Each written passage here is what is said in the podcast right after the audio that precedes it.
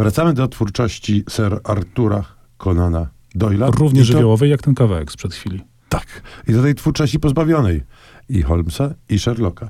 E, Czas na tom opowiadań. Tom opowiadań, który nosi tytuł Dziwne zjawiska. Bo oczywiście trzeba powiedzieć, że Conan Doyle opowiadań napisał y, bardzo dużo. Jak wiadomo, to była jego ulubiona forma, która wynikała nie tyle pewnie nawet z przekonań literackich, ile z praktyki. No po prostu opowiadania łatwiej było sprzedać do prasy, a Conan Doyle tak naprawdę przez sporą część swego życia utrzymywał się z pióra właśnie. To jest w ogóle bardzo różnorodny wybór i w tym sensie uważam, że trafny, bo oprócz właśnie takich hipnotyczno-spirytystycznych zainteresowań, które tutaj wyraźnie się pojawiają, mamy też epizod na przykład w pierwszym opowiadaniu zwanym Kapitan Gwiazdy Polarnej, który przynosi nas na e, e, daleką północ i e, wyprawy niebezpieczne, myśliwskie tamże.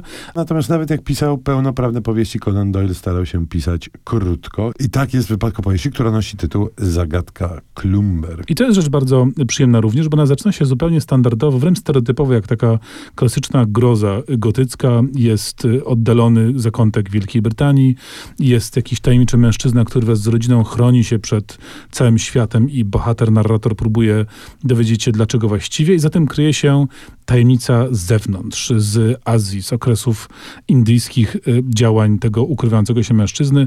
I muszę powiedzieć, że jak to czytałem, to myślałem sobie na początku, no tak, będzie klasyczny taki kolonialny smaczek, czyli biedny Anglik ukrywa się przed złymi czarami jakichś tam dzikusów z daleka. Tymczasem Conan Doyle okazał się być tutaj bardzo postępowy, bo rzeczywiście z daleka przybywają tajemniczy mężczyźni obdarzeni nadprzyrodzonymi mocami. Natomiast smaczek polega na tym, że no, nie zdradzając za dużo, oni mają rację. Znaczy rzeczywiście dokonania tego pana y, były, y, tego Anglika były na tyle skandaliczne, że tak naprawdę kibicujemy owym mścicielom y, tajemniczym, niezrozumiałym, posługującym się mm, nadprzyrodzonymi mocami, ale właśnie mającym słuszność. Tak, e, Conan Doyle to ponad wszelką wątpliwość mężczyzna, który swoją epokę wyprzedzał pod wieloma względami. Natomiast by dowiedzieć się, co on sam myślał o świecie, jak żył i co robił, należy sięgnąć po książeczkę, po którą bardzo trudno sięgnąć.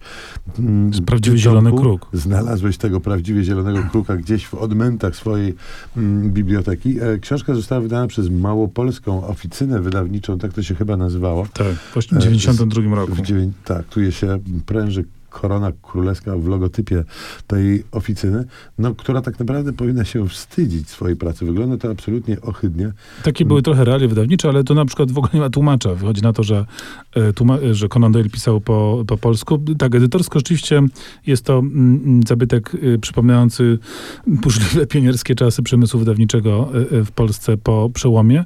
Natomiast treściowa rzecz jest bardzo ciekawa. To są wspomnienia spisane przez Conana Doyle'a, oczywiście z perspektywy już e, starości. Wspomnienia, które mogłyby rozczarować w pierwszym odruchu, bo na przykład jeśli liczylibyśmy na ogrom różnych smaczków dotyczących jego twórczości, zwłaszcza Sherlocka Holmesa, no to nie. Tak naprawdę jest ich bardzo mało. Owszem, poznajemy profesora Josepha Bella, który był pierwowzorem, ale zarazem jest to fascynująca opowieść o takim moralnym przejściu, mentalnym przejściu człowieka, który w młodości odsunął się od myślenia religijnego, stał się racjonalistą, jak swój bohater Sherlock Holmes, po to, by pod koniec przejść na pozycje spirytystyczne. Tymczasem pewnie przydałoby się tę książkę wydać ponownie. Ładnie, przyzwoicie, bez błędów i aż się prosi o bogaty materiał ilustracyjny, bo nie tylko zdjęć samego Conan Doyle'a jest sporo, ale też ilustracje, którymi jego e, powieści były ilustrowane, warto by przywołać. Nim to się stanie, odsyłamy, co robimy niechętnie, acz w tym wypadku chyba jest to w pełni uzasadnione, odsyłamy do internetu, gdyż cała spuścizna z Sir Artura Conana Doyle'a jest już wolna od praw autorskich, dostępna w sieci w całości i trzeba przyznać, że takie witryny jak Arthur Conan Doyle Encyclopedia są dość wspaniałe, bo tam możemy nie tylko przeczytać wszystko, co wyszło spod pióra autora Sherlocka Holmesa, ale też właśnie pooglądać kolejne wydania, te pierwsze wydania w mm, prasie, czy pierwsze wydania książkowe wraz z ilustracjami, które są tam zamieszczone. Dobrze, dość gadania o książkach, teraz posłuchamy. To też pan Doyle, tylko że Patrick Doyle i jego muzyka do morderstwa w Orient Expressie, najnowszej ekranizacji, oczywiście nie Sherlockowsko-Holmesowskiej, tylko Poirotowskiej.